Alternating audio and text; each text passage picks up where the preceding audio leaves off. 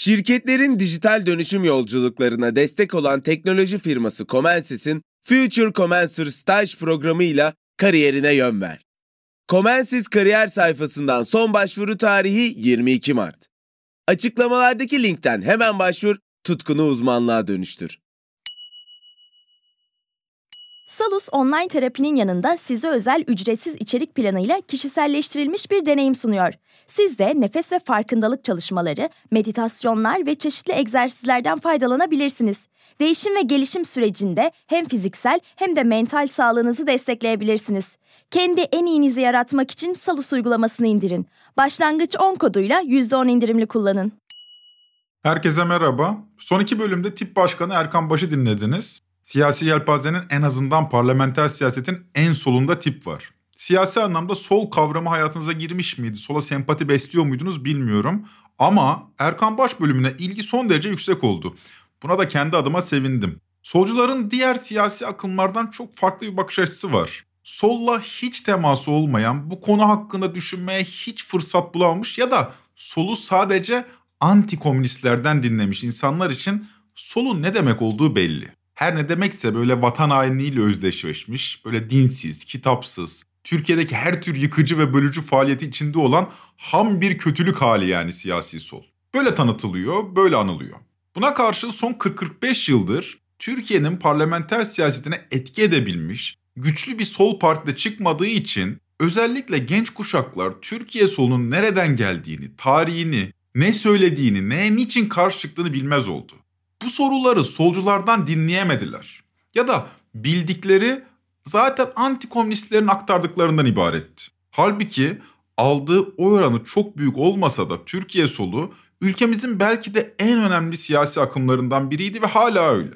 Bu nedenle genç kuşağın solu bilmemesi gençler için büyük bir talihsizlik ama ülke için de bence endişe verici bir gelişme. Bu yüzden bu bölümde yeni başlayanlar için Türkiye solunu tanıtacağız. Bu tanıtımın sonunda tipin önemini daha net kavrayacağımızı düşünüyorum. O halde uzatmayalım. Ben Ozan Gündoğdu. Hazırsanız başlayalım.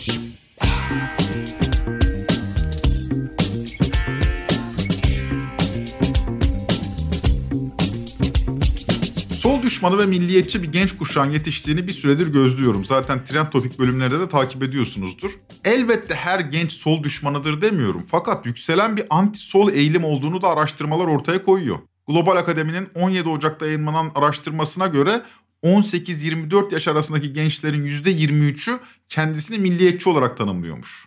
Diğer yaş gruplarında böyle bir orana ulaşılamıyor. Yani kendisini en yoğun biçimde milliyetçi olarak tanımlayan yaş grubu 18-24 yaş arasında toplanıyor. Bu gençlerin kimleri idol aldığını biraz araştırdım. Birçok isme de ulaştım. Birçok isim saymak mümkün ama tüylerimi diken diken yapan bir isim karşıma çıktı. Esat Oktay Yıldıran. Bu kişi 12 Eylül darbesinden sonra Diyarbakır Askeri Cezaevinin güvenlik komutanı. İşkencecilik denince binlerce insanın aklına kazınmış bir isim. Ham kötülük. Her tür insanlık dışı uygulamanın mimarı. Öyle kaba dayaktan falan bahsetmiyorum. İnsan onurunu rencide edecek her tür işkenceden bahsediyorum.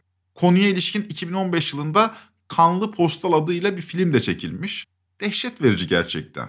Fakat ilginç olan şu. Bir takım gençler bu filmdeki Esat Oktay Yıldıran bölümlerini hayranlık mesajlarıyla sosyal medyada paylaşıyorlar. Öyle komünizmdir, Marksizmdir, sosyalizmdir, Kürtlüktür. Böyle sapkın düşünceleri kafandan söküp atacaksın. Sen sökmezsen ben söküp almasını bilirim. Ben 34 yaşındayım. Bundan 15 sene önce böyle şeyler yoktu hakikaten sosyalleşme sorunları olan, kötü bir çocukluk deneyimi geçirmiş, toplumun çok marjında kalan tipler Esat Oktay, Yıldıran gibi psikopatlara sempati beslerdi. Ama şimdi öyle değil. Memleketin içinden geçtiği bunalım hali, sığınmacı ve göçmen sorunu, terör, ekonomik kriz derken travmalarla geçen ilk gençlik yılları bir kısım gencin insani duygularını aşındırmış gibi görünüyor. Bunun nedenlerine ilişkin 20 Ocak'ta yayınladığımız Oğuzhan Uğur'un programı üzerinden gençliğin öfke sorununu okumak başlıklı bir bölüm zaten hazırlamıştık. O yüzden bu konuya bu bölümde girmiyorum. Fakat Soğuk Savaş'ın bitmesinin üzerinden 30 yıldan fazla zaman geçmesine rağmen sol düşmanlığı Türkiye'de hala çok canlı.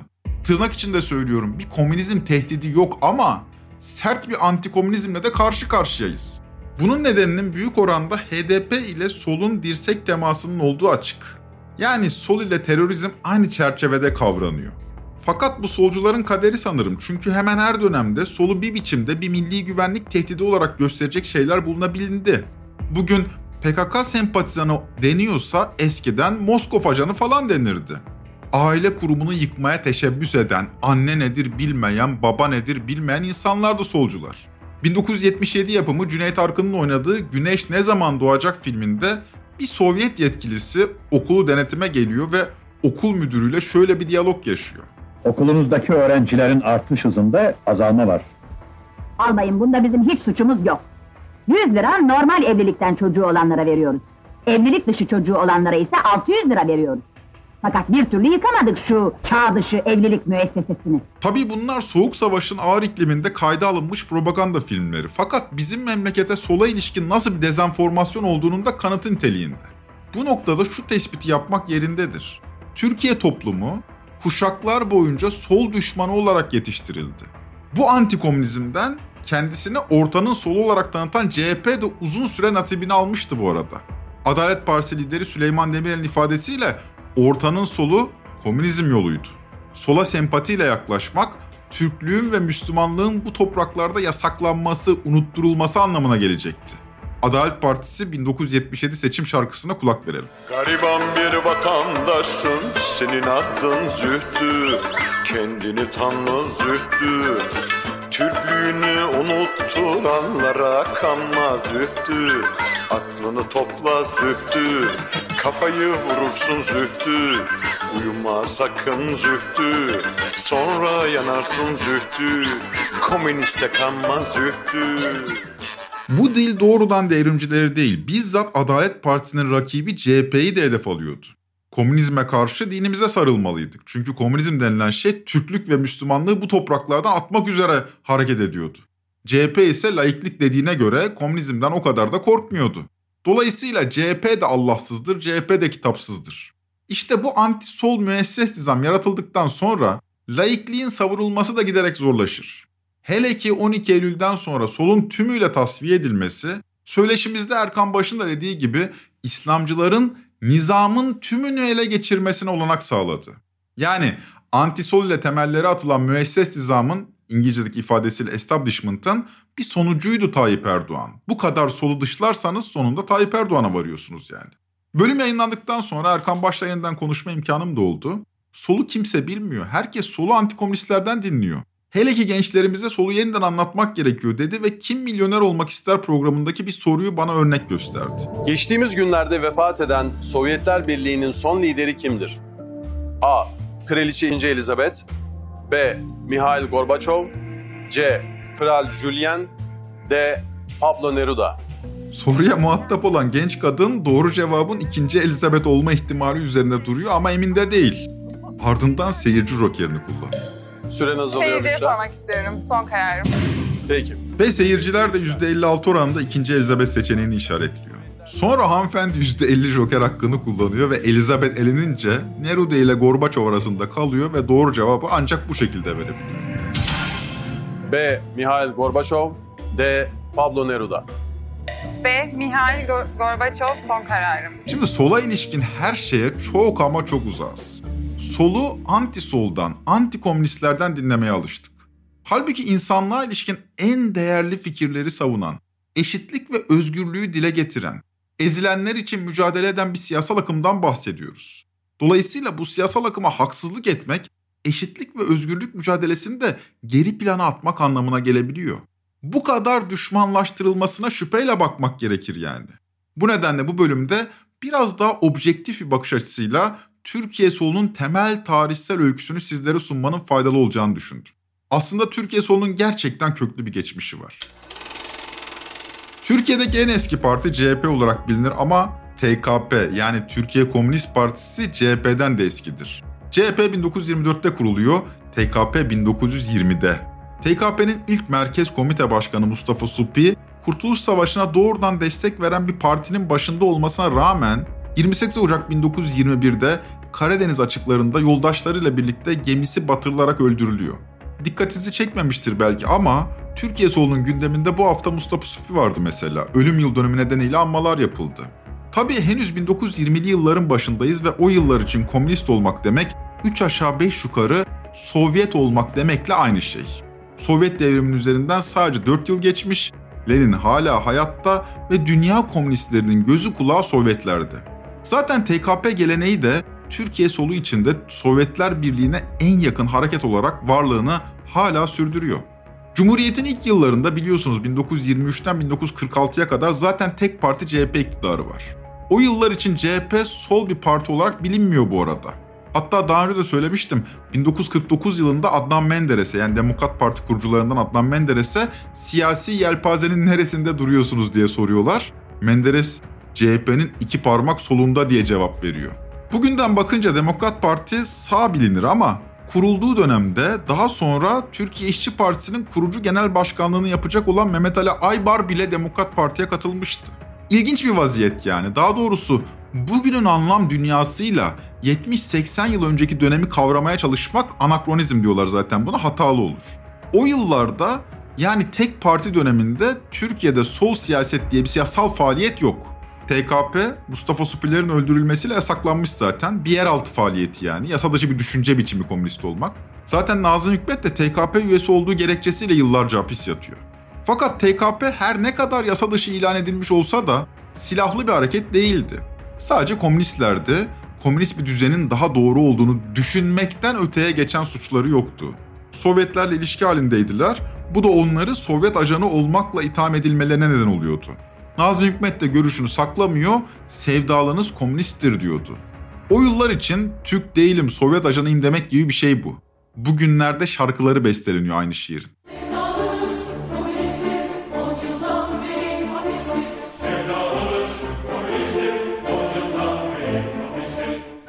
Peki Nazım Hikmet'in yıllarca hapis yatmasına neden olan CHP ne zaman sola açılıyor? Burada 1960'ları beklemek gerekir. İsmet İnönü önderliğinde ortanın solu açılımını. Tabii CHP'nin ortanın soluna yerleşmesinin arkasında da başka bir gelişme vardı. CHP'nin bu sefer gerçekten daha solunda bir parti ilk kez siyaset sahnesine çıkıyordu 1960'lı yıllarda. Neydir o partinin adı? Türkiye İşçi Partisi yani TİP. Tam kuruluş tarihi 13 Şubat 1961. Mehmet Ali Birand'ın sesiyle süreci dinleyelim. Genç Türk demokrasisinde ilk kez bir sosyalist parti seçime girerek mecliste temsil olanağı arıyordu. Yazar Çetin Altan'ın da bağımsız aday olarak desteklediği Mehmet Ali Aybarlı, Behice Boranlı tip meydanlarda yepyeni bir sol hava estiriyordu. Bu tablo karşısında asıl işi güçleşen parti ise İsmet Paşa'nın CHP'siydi. Gerçi İnönü'de meydanlardaydı ama kitleler CHP'ye soğuktu. Parti ard arda gelen koalisyon hükümetleriyle yorgun düşmüştü koca İsmet Paşa sağdan genç bir liderin işaretiyle devrili vermişti. Üstelik artık sol oyların tip gibi iddialı yeni bir adresi vardı. Ve CHP bu girdaptan kurtulmak için mucizevi bir formül arıyordu. CHP için o mucizevi formülün adı ortanın soluydu. CHP'nin hafızasında ilk kez 1966 yılında İsmet İnönü tarafından anılmış, Bülent Ecevit'in genel başkanlığıyla pekiştirilmiş bir siyasal pozisyon. Fakat tarihten çıkardığımız ikinci bulgumuzu aktaralım. İlk bulgumuz kuşaklardır sola düşman biçimde yetiştirilmemizdi. İkinci bulgumuz da şu. CHP durup dururken solcu olan bir parti değil. Soldan bir yükseliş olduğu için solda konumlanmak zorunda kalmış bir partiydi. Bu meselenin nedenleri ve sonuçları üzerine daha uzun konuşmak gerekir ama belki başka bölümde konuşuruz. Biz devam edelim. Bugüne rengini veren Türkiye solu habitatının kökleri nerededir diye sorsak 1920'lerin TKP'sine gitmek çok doğru olmaz. Zaten bizdeki sol gelenek pek Sovyetik değildir. O gelenek evet yaşamaktadır ama bugünkü Türkiye solunun ana omurgasını anlayabilmek için 1920'lerin TKP'sine değil 1960'lara gitmek gerekir. Evet TKP de sonuç olarak Türkiye solunun ilk öznelerindendir ama 1960'lar ciddi bir kırılmaya işaret eder. Burada iki gelişme var. Evvela dediğim gibi Mehmet Ali Aybarlı, Beyce Boranlı bir tip gerçeği var. Artık sosyalist milletvekilleri ilk kez parlamentoda. Fakat bu noktada sadece tipten bahsetmek Türkiye solunu anlamak için yetersiz kalacaktır. Çünkü eş zamanlı şekilde bir üniversiter hareket olarak yeni bir sol yükselişe de şahitlik ediyoruz o dönem. Üniversitelerde ortaya çıkan kendisini 68 kuşağı olarak andığımız bir hareket. Dediğim gibi o dönemlerin Türkiye'sini bugünden anlamak zor. Dolayısıyla bugünün değer yargılarıyla 68 gençliğini ya da o günlerin değer yargılarıyla bugünü yargılamamak gerekir. Bir kere Türk Silahlı Kuvvetleri 1960'ta ilk kez iktidarı devirmiş ve devrimci yükselişin kapısını aralamış. Demokrasiye geçilmiş ama genç subayların ateşi dinmemiş. Memlekette öyle bir atmosfer var yani. Şimdi bugün subaylar kendi lojmanlarında yaşıyor, halkla doğrudan temas kurmuyor ama 60'lar itibariyle durum farklı. Karşı komşunuz yüzbaşı binbaşı olabilirdi, üniformasını giyer kışlasına giderdi. Dolayısıyla özellikle orta sınıfların politik kimliğiyle subayların politik kimliği 3 aşağı 5 yukarı aynıydı. Şimdi burada bölüme kısa bir ara verelim. Döndüğümüzde asker sivil etkileşiminin farklı bir boyutundan bahsedeceğiz.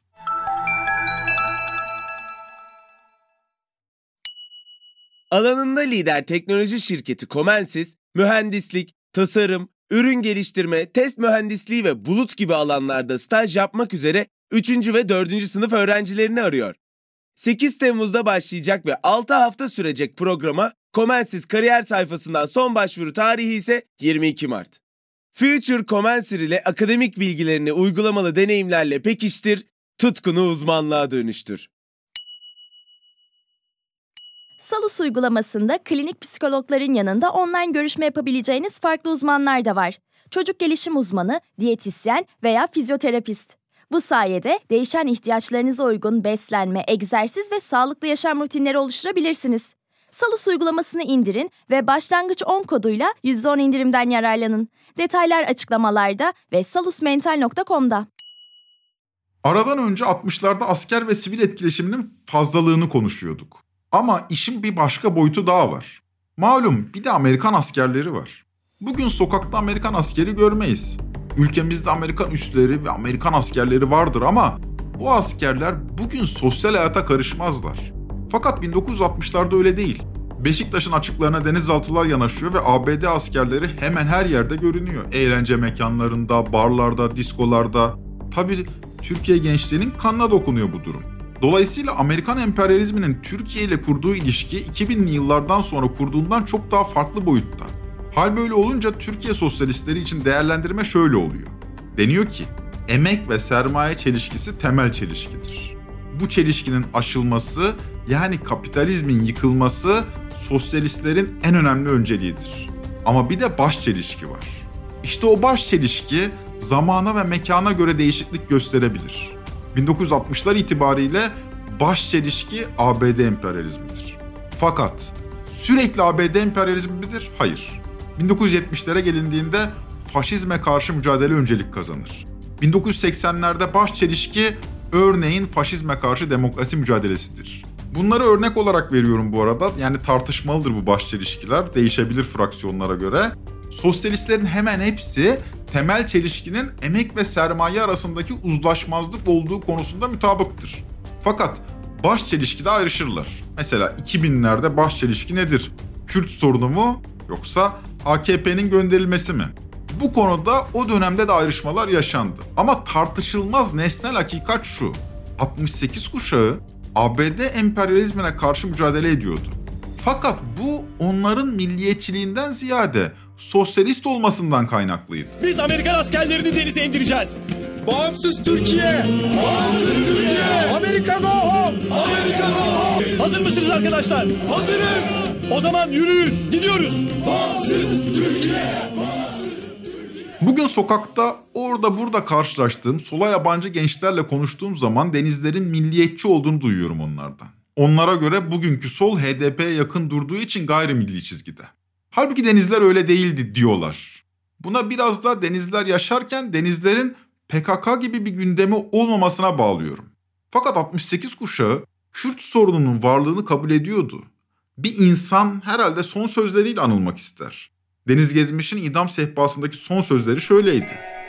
Yaşasın Türkiye halkının bağımsızlığı. Yaşasın Marksizm Leninizmin yüce ideolojisi. Yaşasın Türk ve Kürt halklarının bağımsızlık mücadelesi. Kahrolsun emperyalizm. ABD karşıtı mücadelenin sokağa taşmasıyla devrimci gençliğin önderleri de hayatımıza giriyor böylece. Denizler, mahirler. Bir yandan da katledilen gençler var tabii. Önce Vedat Demircioğlu, ardından Taylan Özgür. Üniversite yurtları basılmaya, işkence tezgahları kurulmaya başlanmış. MHP'nin komando kamplarında NATO subayları suikast eğitimleri vermeye başlamışlar. Silahsız üniversite hareketinin karşısına silahla çıkılmaya başlanmış. Tüm bunlar yaşanırken genç subaylar arasında da devrimci gençlere sempati artıyor. Bakın bu ilginç bir hadisedir. Darbeci gelenek genellikle sağcıdır bizde ama 1960'lı yılların sonu itibariyle özel bir tarihsel an yaşanır. Türk Silahlı Kuvvetleri subayları içinde sola sempati artmaya başlar. Bugünden düşündüğümüz zaman olacak iş değil ama oluyor. Bu tarihsel bir andır ve 1960'ların sonunda ceryan eder ve orada kapanır. Buna rağmen yıllarca solu darbecilikle suçlayabildiler. Sadece özel bir andı bu. Öldürülen gençler silahsız oldukları için 1969'da bir grup deniz subayı sert bir bildiri yayımlar ve devrimci gençlerin arkasında olduklarını vurgularlar. Bildirinin nasıl bittiğini dönemin deniz subayı Sarp Buray'ın sesinden dinleyelim. Ne beylik ne paşalık istediler bu kavganın sonunda. Ve sade bu kavgada ne bir bey ne bir paşa bu kavgada en güzel şey tam devrimci bir nefer gibi ölebilmek, sessizce ölebilmek. Analar taş bassın bağırlarına, bağımsız bir Türkiye'nin yarınlarına. Sel olsun, göl olsun, bol olsun anaların gözyaşları. Devrimcilerin vurulup düşsün bu göle kanlı başları. Ne değişir? Kesilsin devrimcilerin başları birer birer. Oysa bir yasadır bu. Mümkünü yok. Devrimciler ölür, devrimler sürer. Şöyle bitiyor tam olarak. Ne değişir? İsterse kesilsin devrimcilerin başları birer birer.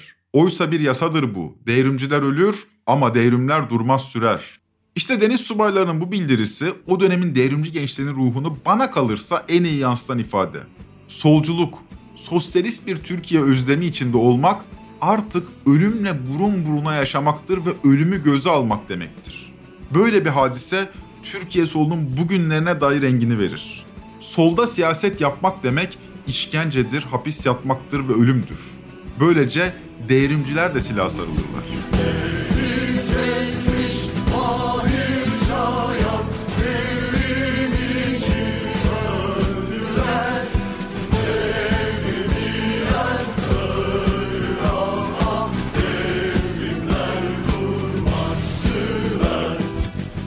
Bu noktada 3 ismi özel olarak anmak gerekir. Deniz Gezmiş, Mahir Çayan ve İbrahim Kaypakkaya. Bunlardan ilki olan Deniz Gezmiş ve arkadaşları Türkiye Halk Kurtuluş Ordusu'nu yani THKO'yu, Mahir Çayan ve arkadaşları Türkiye Halk Kurtuluş Partisi cephesini yani THKPC'yi, İbrahim Kaypakkaya ve arkadaşları ise Türkiye İşçi Köylü Kurtuluş Ordusu'nu yani TİKKO'yu kurdular. İşte 68'in devrimci gençliği bugüne kadar izlerini gözlediğimiz 3 temel politik hattı bıraktılar geride. Bugün adını duyduğunuz TKP ve tip dışındaki sosyalist partilerin tümü bu üçlü sac ayağına yaslanıyor. Denizciler, mahirciler ve ibocular. Fakat bu üç grup da gerçekten son derece sert şekilde katledildiler. THKO grubunun liderleri Deniz Gezmiş, Yusuf Aslan ve Hüseyin İnan idam edildi. Genceciktiler. TİKKO lideri İbrahim Kaypakkaya işkencede öldürüldü. THKPC liderleri Mahir Çayan ve arkadaşları Kızıldere'de öldürüldü. Ardından bu üç grup yani kısaca denizciler, mahirciler ve ibocular olarak andığımız bu üç grup 12 Mart 1971'den sonra çeşitli fraksiyonlara ayrılıyorlar. Mesela Mahir Çayan çizgisini takip eden Devrimci Gençlik Grubu daha sonra 1977'de Devrimci Yola dönüşüyor. Dev Yol diyebiliyoruz. Burada İstanbul grubu ayrışıyor ve Dev Sol, Devrimci Sol oluyor. Yine mahircilerin içinde kaçarcılar olarak anılan bir grup Kurtuluş Dergisi'ni çıkarıyor. Bu arada bunlar bayağı kitleselleşiyorlar, yüz binlere ulaşıyorlar 1970'lerin sonuna doğru. Denizcilerin içinden halkın yolu gibi fraksiyonlar çıkıyor. Ve böylece 12 Eylül 1980'e uzanıyoruz. İşkenceler, idamlar, cinayetler. Bu kadar ölüm Türkiye solunun travmatik bir bakış açısı geliştirmesine de neden oldu.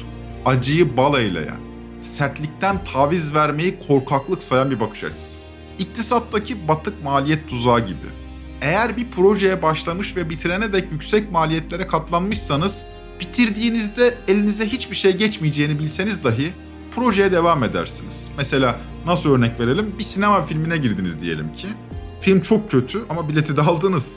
Dolayısıyla hiç gereği yokken ikinci bölüme de girersiniz. Buna batık maliyet tuzağı deniyor iktisatta. Türkiye solu özellikle 70'lerde öyle büyük maliyetlere katlandı ki artık bu maliyetleri zarar keselim, artık projeyi durduralım demekten çok daha uzakta kaldı.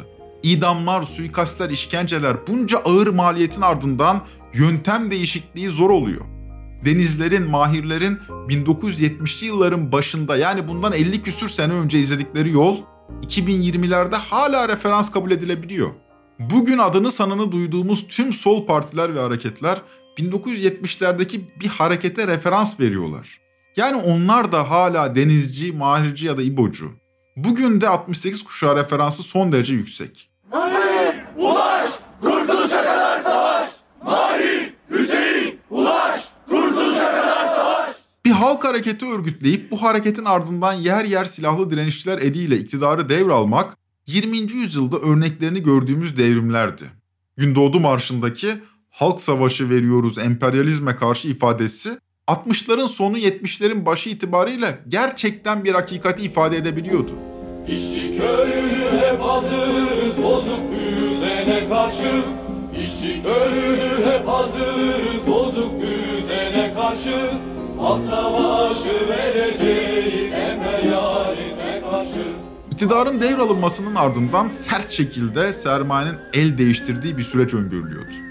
Bankalara el konulacak, büyük toprak sahipliği ilave edilecek, sınai yatırımlar devletleştirilecek vesaire vesaire. Bu eğer 1960'larda ya da 70'lerde olsaydı bugün nasıl bir Türkiye'de olurduk? Bu soru çok manipülatif olurdu. Ama şunu net şekilde ifade etmek gerekir diye düşünüyorum.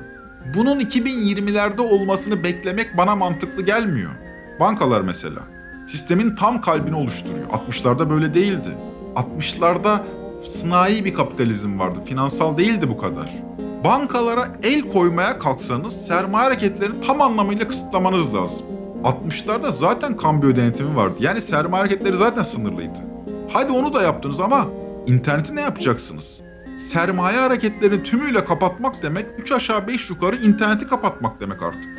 60'larda interneti bırakın doğru düzgün telefon bile yoktu ya.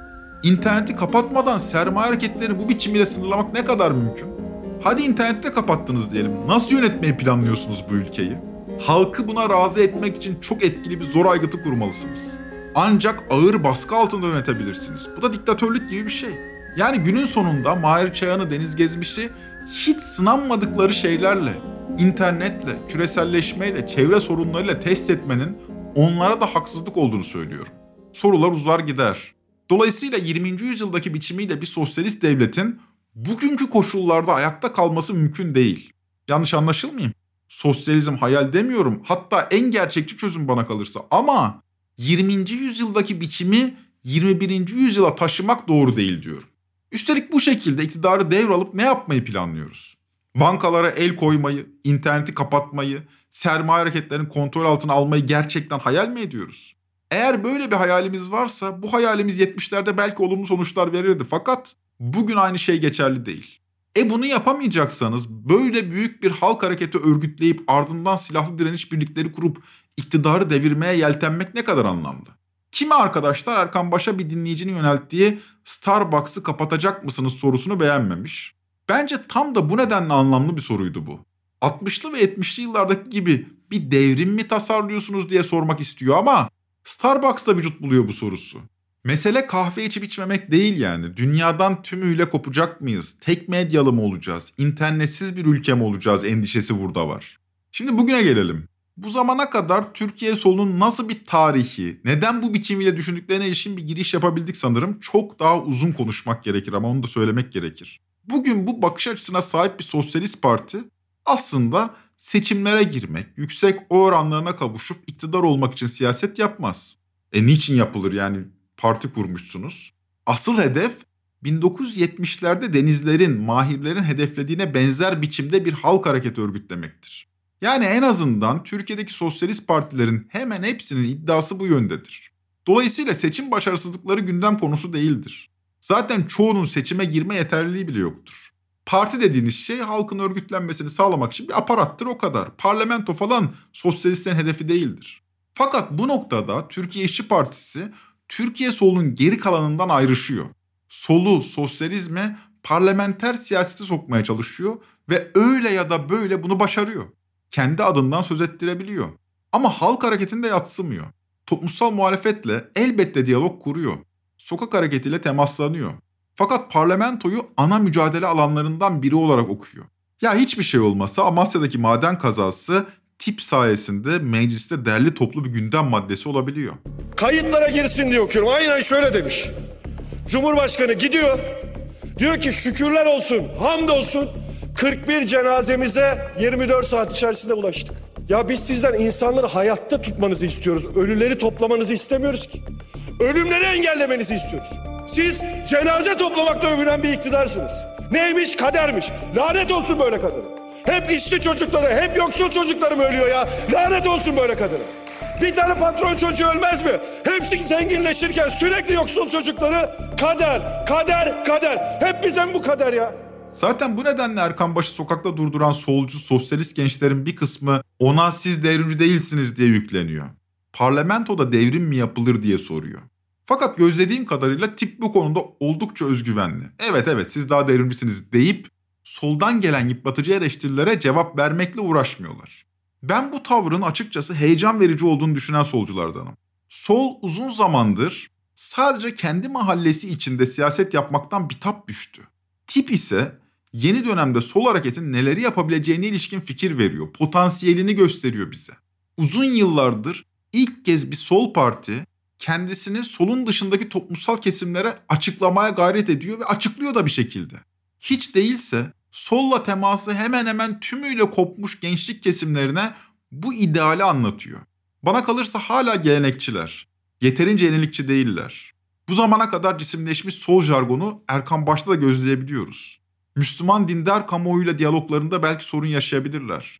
Bu sorun bana kalırsa son derece önemli. Henüz bir iktidar perspektifi kazanmış da değiller. Elimizde net bir sosyalist program yok. Tip bugün iktidar olsa ilk 100 günde neler yapacak bilmiyoruz. Ama henüz 4 yıllık yeni kurulmuş bir partiden bahsediyoruz. Bu bir geçiş dönemi.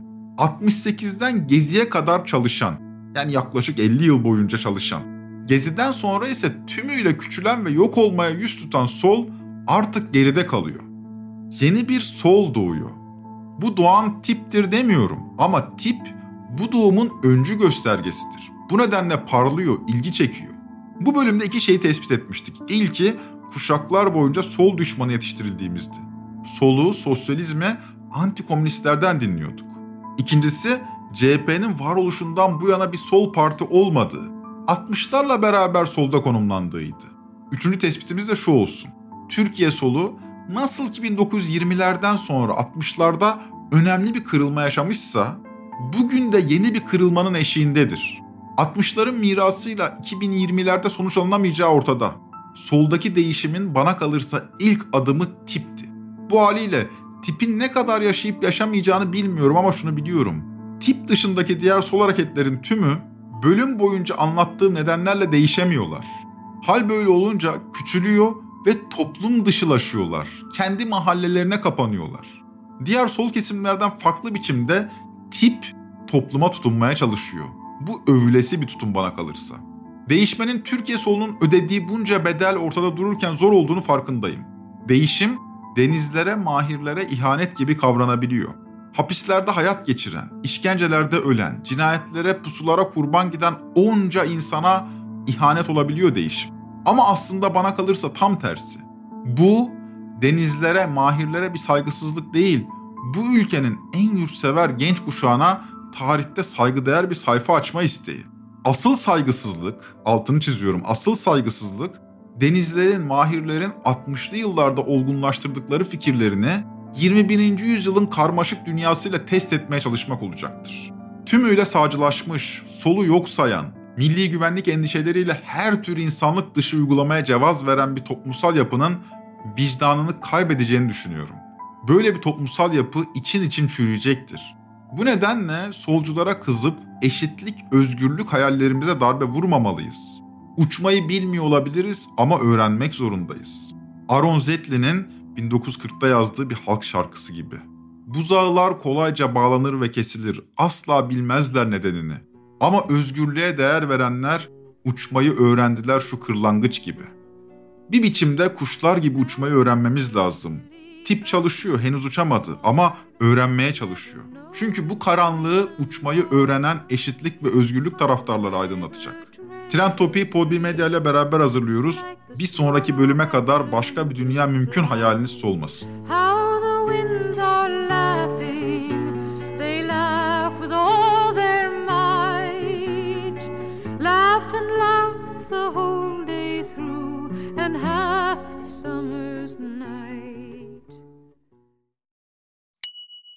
Future Commencer staj programı ile kariyerine yön ver.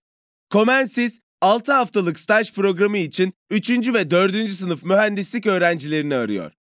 Comensis kariyer sayfasından son başvuru tarihi 22 Mart. Açıklamalardaki linkten hemen başvur, tutkunu uzmanlığa dönüştür. Salus yetkin psikologları ile terapiyi her yerden ulaşılabilir kılmaya devam ediyor. Yaşam tarzı değişiklikleri, adaptasyon sorunları, yalnızlıkla başa çıkma gibi konularda online terapi desteği için Salus uygulamasını indirin. Başlangıç 10 koduyla %10 indirimli kullanın.